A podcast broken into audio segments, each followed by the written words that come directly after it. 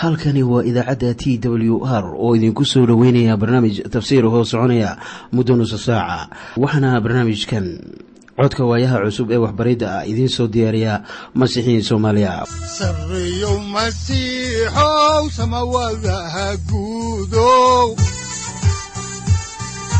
Siraadkii adduunkow subanaha eebow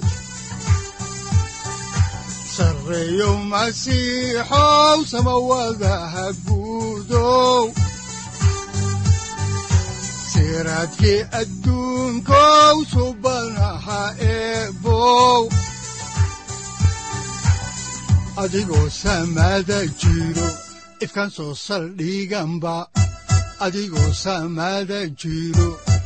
soo saldhiganba kutubtiisanaye wuxunogu saaciiday sharxin sifahaaga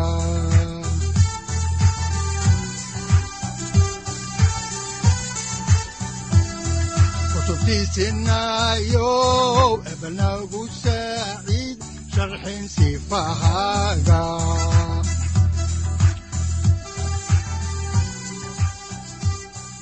ku soo dhowaada dhegaystayaal barnaamijkeenna dhammaantiinba. Waxaan horay u sii ambaqaadi doonnaa daraasaadkii la magac baxay baibalka dhammaantii. Waxaannu caawa idiin sii wadi doonnaa barashada kitaabka falimaha rasuullada. Kitaabka falimaha rasuullada waa kitaab taariikhi ah oo ay tahay in qof waliba ee dunida guudkeeda jooga uu wax ka barto si uu ku garto taariikhda kitaabka ahdiga cusub waxaanan caawa idiin sii wadi doonnaa cutubka sagaal iyo tobanaad oo aannu horay idinku soo bilownay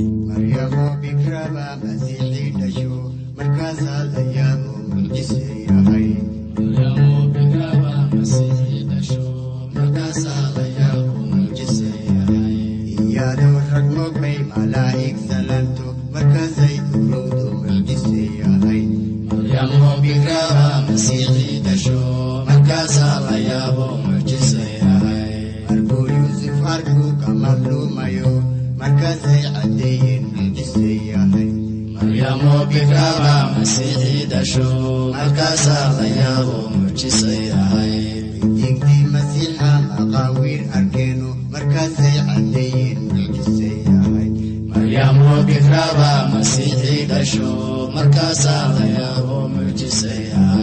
boqorkii maqlay baa urugoodayo micnuhu la yaabo mucjise yahay haddaan horay idinku sii wadno xigashada kitaabka ayaannu eegaynaa kitaabka falimaha rasuullada cutubka sagaal iyo tobanaad aayadda saddexaad. Waxaana qoran sida tan. Markaasuu ku yidhi haddaba maxaa laydinku baabtiisay?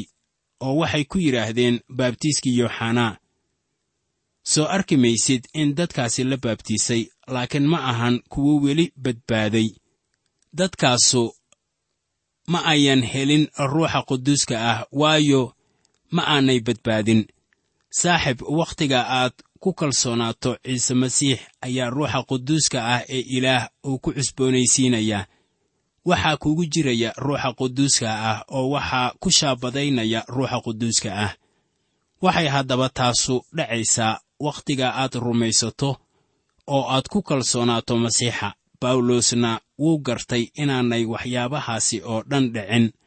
Markii ay rumaysteen oo ay ku kalsoonaadeen ciise masiix iminkana wuxuu u sharaxayaa inay ku kalsoonaadaan sayid ciise masiix si loo badbaadiyo.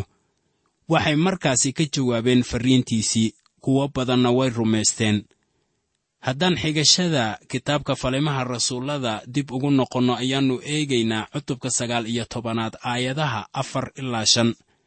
Waxaana qoran sida tan.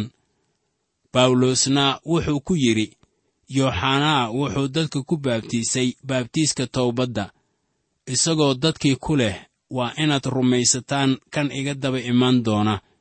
Isagoo ula jeeda ciise oo markay waxaasi maqleen waxaa iyagii lagu baabtiisay rabbi ciise magiciisa. Haddaba baabtiiskii yooxanaa wuxuu ahaa ilaa towbadda waxaana loogu diyaar garoobayey sayid ciise masiix.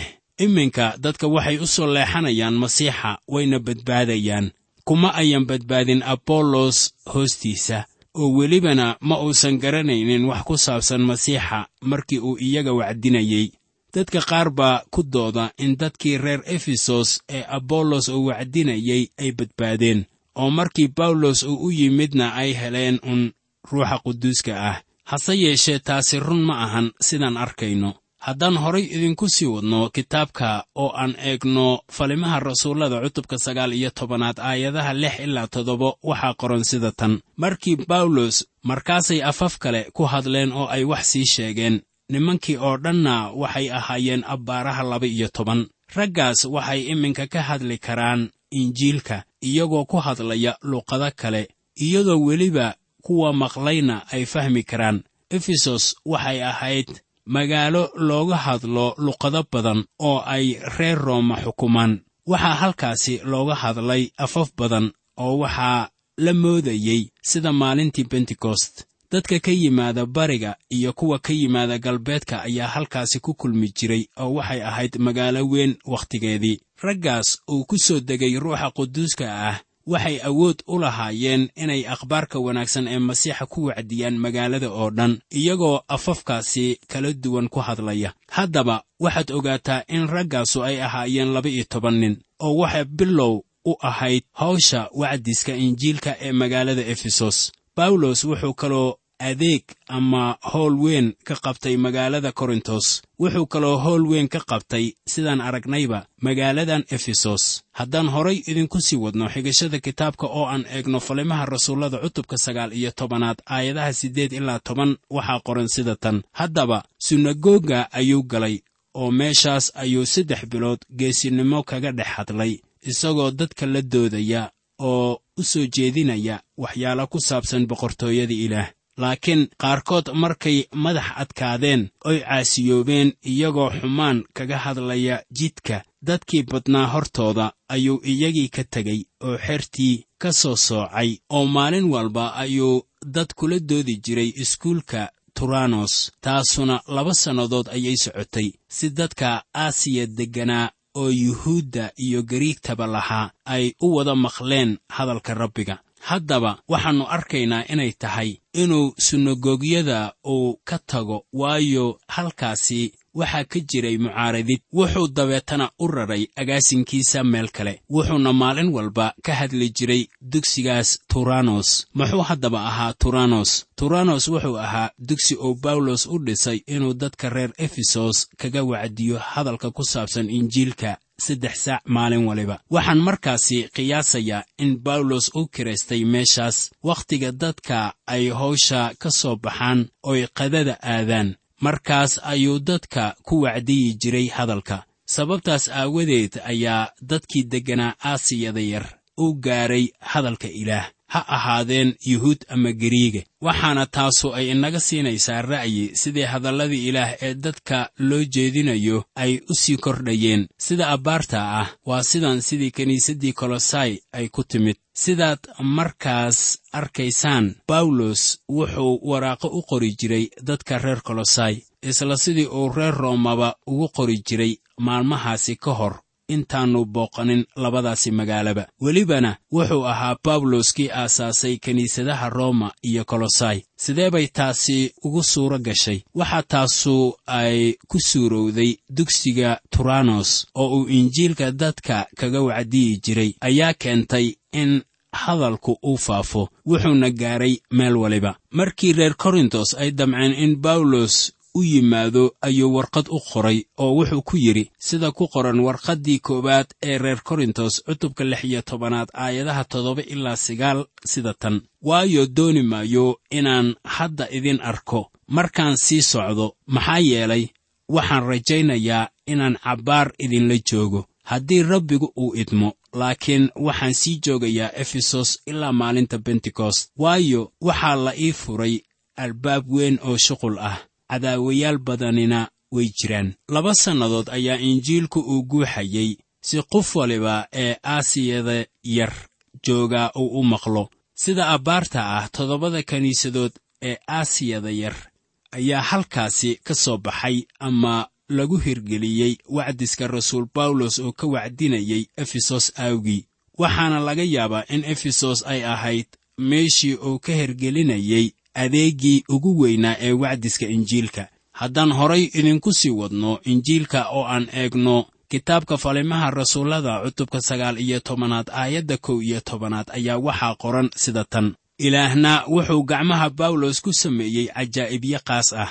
Waxaa jira in siyaabo kala duwan uu u turjumayo baibalka giriiga ah ereyga mucjiso waxaa inta ereyga mucjiso loo isticmaalayaa dunamis oo innagu aynu u higaadinno baryahan daynamit oo macnuhu uu noqonayo fal awoodeed. Ilaah wuxuu saaray gacmihii bawlos fal awoodeed wuxuuna isticmaalayaa hadiyaddiisa rasuulnimada. Magaaladuna waxay xarun u ahayd diimo fara badan waxaana caabudista diimahoodu uu ku xidhnaa shayddaanka si markaasi bawlos uu isaga caabiyo mucaaradka ayaa ilaah wuxuu u oggolaaday ama siiyey bawlos awood.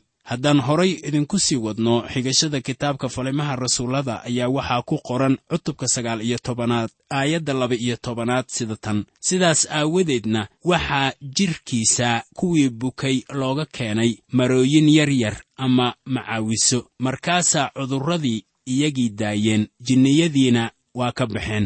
Maxay haddaba fasaleytiyada ama maryahaasu ahaayeen? Kuwaasoo halkan lagu sheegay. Waa hagaag. Waxay ahaayeen fasaletiyo ama calallo oo dhididka isaga tirtirayey mar kasta ee uu kululaadaba waxay ahaayeen calallo wasakh ah oo waxaa lagu tirtirayey dhididka jidhkiisa markaasaa dadku waxay qaateen calalladaasi oo waxay mariyeen dadkoodii jirranaa meeshaas waxaa ka jiray diimo yaab leh oo dharka cadcad baa loo isticmaali jiray sida inay yihiin wax daahir ama quduusnimo u taagan. Waxay markaasi u muuqataa in ilaah liidayo fikraddaas. Markaasaa waxaa dadkii lagu daweeyey calallo wasakh leh oo dhidid uu ka buuxo. Waxaanay tanu muujinaysaa awoodda qaas ahaaneed ee la siiyey rasuul bawlos sida aan garanayno waa dhacdadii ugu horraysay ee weligeed la arko ilaa iyo maalinka maanta ah. Waa wax aad u xun in qofi u qaybiyo calallo wasakh ah oo uu haddana yidhaahdo awood bay leeyihiin. Haddaba fasaleetiyadii bawlos uu isticmaalayey waxay ahaayeen kuwo wasakh ah. Haddaba fasaleetiyadaasi wasakhda ah ayaa sayidku uu isticmaalayaa si uu u hoosaysiiyo dhaqamada diin kusheegga ah ee qabiilooyinka karaahiyada ahi cudurradiibaa laga daweeyey oo ruuxyadii sharka ahaana waa laga saaray markii ay qaateen calalladan wasakhda ah. Haddaan horay idinku sii wadno xigashada kitaabka oo aan eegno aayadda saddex iyo tobanaad ee cutubka sagaal iyo tobanaad waxaa qoran sida tan. Laakiin kuwa yuhuudda warwareegi jirtay ka mid ah oo jinniyo saarayaal ah baa waxay ku tala jireen inay kuwii jinniyada qabay ka dul yidhaahdaan magaca rabbiga ciise iyagoo leh waxaan idinku dhaarinayaa ciisaha bawlos dadka ku wacdiyo. Markii ay arkeen bawlos wixii uu sameeyey ayay damceen inay ka beddelaan waxaan halkaasi ka soo baxaya dhacdo aan horay loo arag. Haddaan horay idinku sii wadno xigashada kitaabka waa aayadda afar iyo tobanaad ee falimaha rasuullada eh ayaa waxaa qoran sida tan. Waxaa jiray oo sidaa sameeyey toddoba wiil oo iskaba dhalay. Waxaa jiray oo sidaa sameeyey toddoba wiil oo iskeba dhalay kaasoo ahaa wadaad sare oo yuhuudi ah. Markaasaa jinnigii uu u jawaabay uu ku yidhi iyagii ciise ayaan garanayaa bawlosna waan aqaan idinkuse yaa tihiin. Waxaad ogaataa in kuwa sidaas yeelayey ay wadaadda ahaayeen. Wadaaddada ayaa waxyaabahan oo kale samayn jiray. Haddaba ereyga noqonaya garanaynaa ayaa tarjumada giriigta ah noqonaysa ginosko taasina uma taagna in ruuxyada sharka ahi ay rumaysteen. Waxaase weeye inay garanayaan cidda ciise uu yahay. Haddaan horay idinku sii wadno ayaa waxaa ku qoran aayadda lix iyo tobanaad sida tan. Haddaba ninkii jinniga qabay baa ku booday iyagii wuuna ka xoog badiyey kulligood uu ka adkaaday. Sidaas darteed ayay gurigaasi ka carareen iyagoo qaawan oo dhaawacan. Haddaba iskudaygii ay damceen wiilashii iskaba inay sannifaan ama beddelaan mucjisadii bawlos ayay dhib kala kulmeen waxaanay taasu keentay inay ku ceeboobaan oo ay jareexo soo gaarto. Waxaanay taasu u ahayd dhagaxumo haddaan horay idinku sii wadno qisadan ku qoran kitaabka falimaha rasuullada ee la yaabka leh ayaannu eegaynaa aayadda toddoba iyo tobanaad waxaana qoran sida tan. Markaasaa waxaa taasi wada ogaaday yuhuuddii iyo gariigtii oo dhan oo efesos joogtay. Baqdinna waa wada gashay dhammaantood. Magaca rabbi ciisena waa la weyneeyey. Waxaad haddaba arkaysaa saamaynta dhacdadaasi ay ku yeelanayso dadka dhexdiisa. Waxaanay taasu keentay in magaca rabbiga uu ku faafo caasimadihii karaahiyada ahaa. Efesos waxay ahayd magaalo weyn waxaana ruxay dhacdadan. Mucjisooyinkan bawlos iyo rasuulladii kale ay samaynayeen. Lama mid ahayn waxyaalaha aynu maanta aragno. Waxaad maqlaysaa maalmahan mucjisooyin la sameeyey oo ay sheegayaan firqooyinka aaminsan inay leeyihiin awood ay mucjisooyin ku sameeyaan oo sheeganaya inay dad bogsiiyeen haddana la arki maayo magaalooyinkii oo ciise u soo jeesanaya sidii ka dhacday magaalada efesos. Mucjisooyinkan uu bawlos ka sameeyey efesos waxay ruuxeen magaalada. Magaca rabbigana waa la weyneeyey. Haddaan horay idinku sii wadno xigashada kitaabka oo aan eegno kitaabka falimaha rasuullada cutubka sagaal iyo tobanaad aayadaha siddeed iyo toban ilaa sagaal iyo toban waxaa qoran sida tan markaasaa qaar badan oo rumaystay ay yimaadeen iyagoo qiranaya oo caddaysanaya falimahooda kuwii sixir fali jirayna qaarkood intay kitaabadoodii ururiyeen ayay dadka hortooda ku wada gubeen wayna tiriyeen qiimahooda oo waxay arkeen inay ahayd konton kun oo go'go oo lacag ah. Waxay lacagtaasu u dhigantaa ilaa iyo siddeed kun oo dollar waa maanta eh taasina waa lacag badan.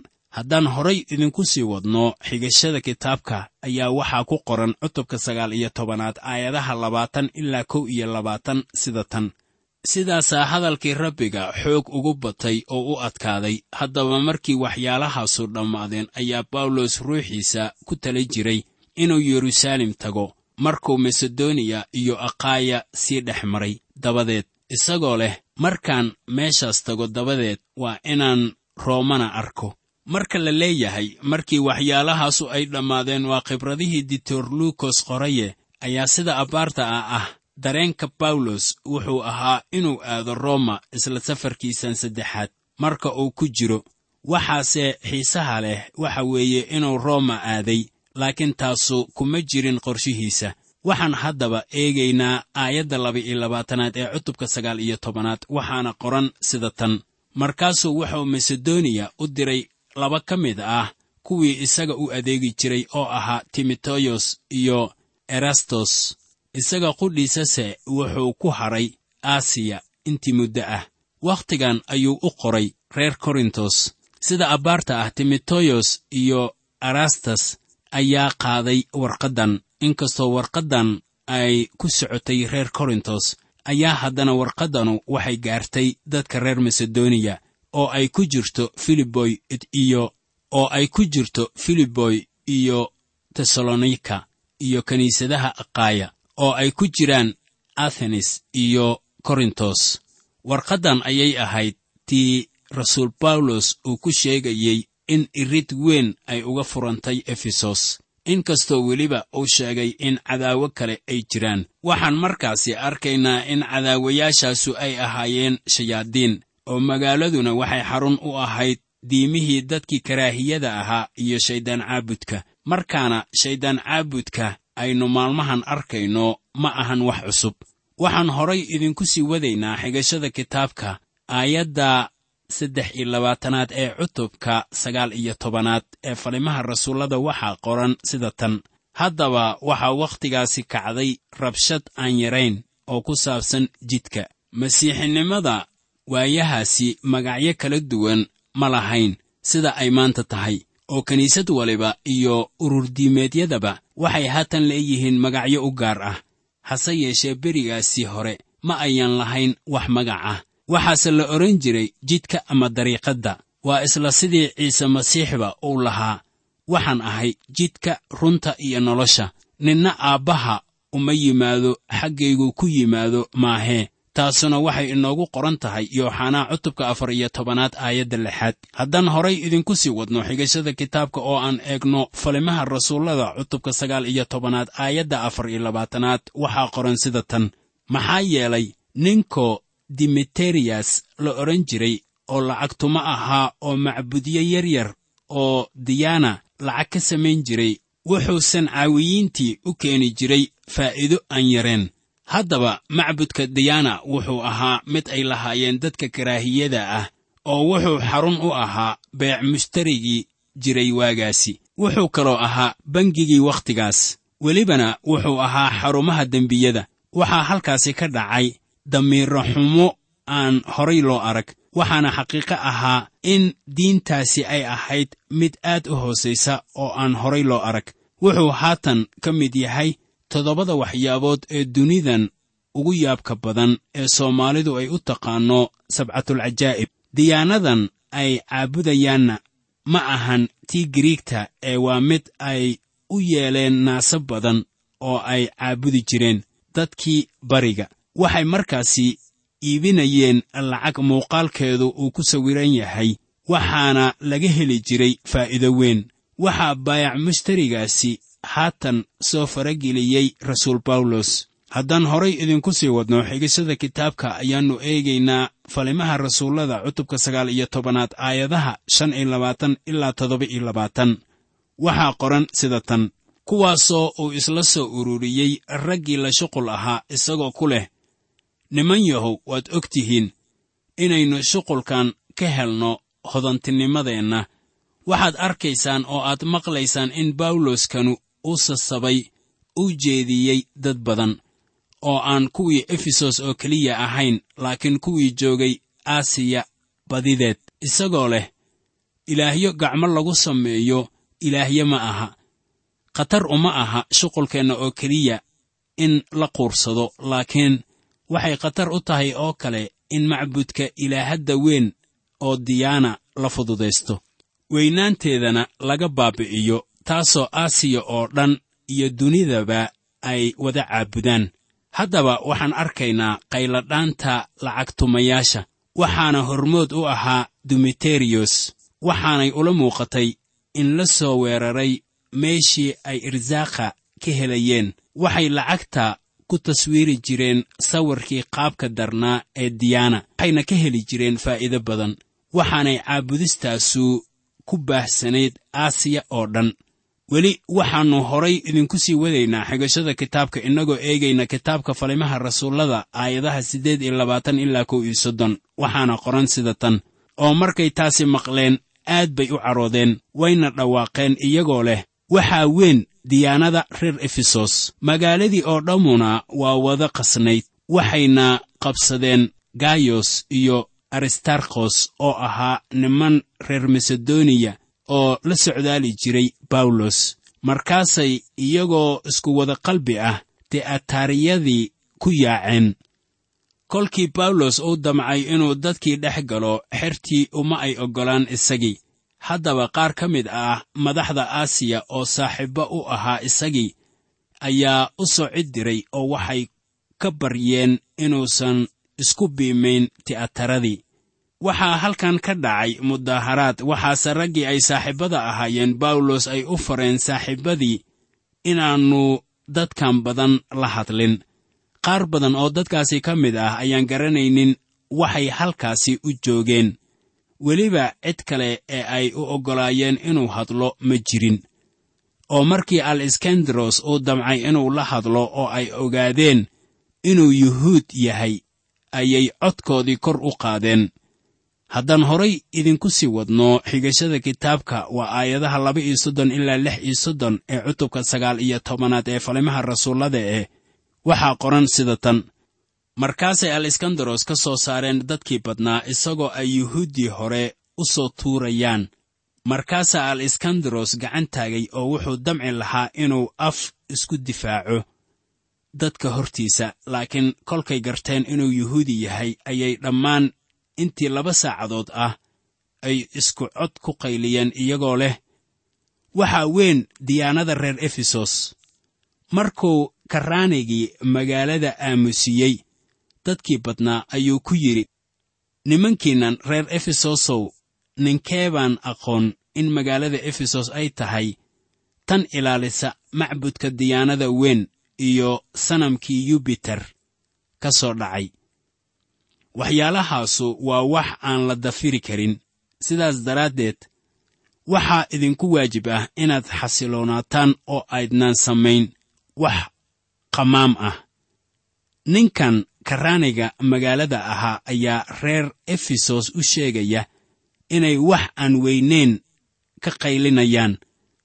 Wuxuuna ku lahaa war diyaanadan wax ku dhacaya ma lahan ee joojiya qamaamka. Hase yeeshee waxaa taariikhda sooyaalka ahi ay qoraysaa inaan waxba laga odhanin ama aan laga hadlin kol dambeeto sanamkaas waxaana haatan jira oo keliya burburkii macbudkaasi karaahiyada ah oo baaba'sanaa muddo ku dhow laba kun oo sannadood. Haddaan soo gunaanadno kitaabka iyo weliba cashirkeenna caawa ayaannu eegaynaa kitaabka falimaha rasuullada cutubka sagaal iyo tobanaad aayadaha toddoba iyo soddon ilaa kow iyo afartan. Waxaana qoran sida tan waayo waxaad halkan keenteen nimankan iyagoo aan ahayn kuwa macbudyo dhaca ama kuwa caaya ilaahaddeenna. Sidaas daraaddeed haddii dimitariyos iyo kuwa la shuqul ah ay nin wax ku haystaan maxkamaduhu waa furan yihiin xaakinnana waa jiraan. Haddaba ha isdacweeyaan laakiin haddii aad doonaysaan wax ku saabsan axwaal kale waxaa lagu gargoyn doonaa ururkii sharciga. Haddaba waxaa khatar inoo ah in laynagu ashtakeeyo rabshadii maanta aawadeed iyadoo aan sababu jirin taasoo aynan kari doonin inaynu wax ka sheegno buuqan oo goortu waxyaalahaasi ku hadlay dabadeed ayuu ururkii kala diray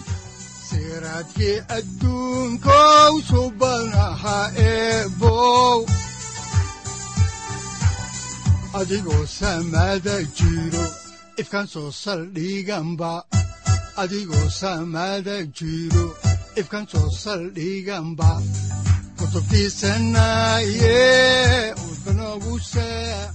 halkani waa t w r idaacadda t w r oo idinku leh ilaa ha idin barakeeyo oo ha idinku anfaco wixii aad caawi ka maqasheen barnaamijka.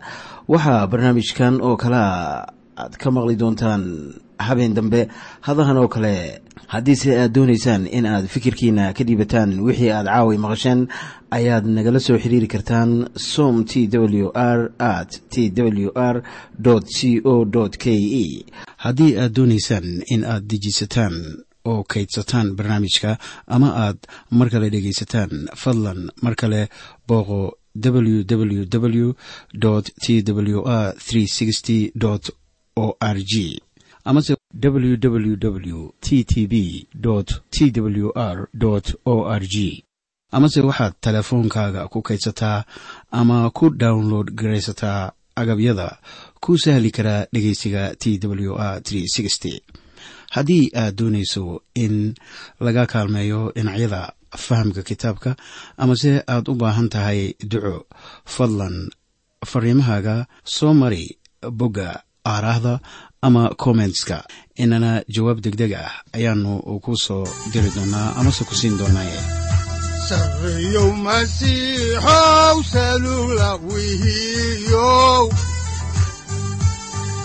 saacadda timid dhulka sabada ku dhalatiyo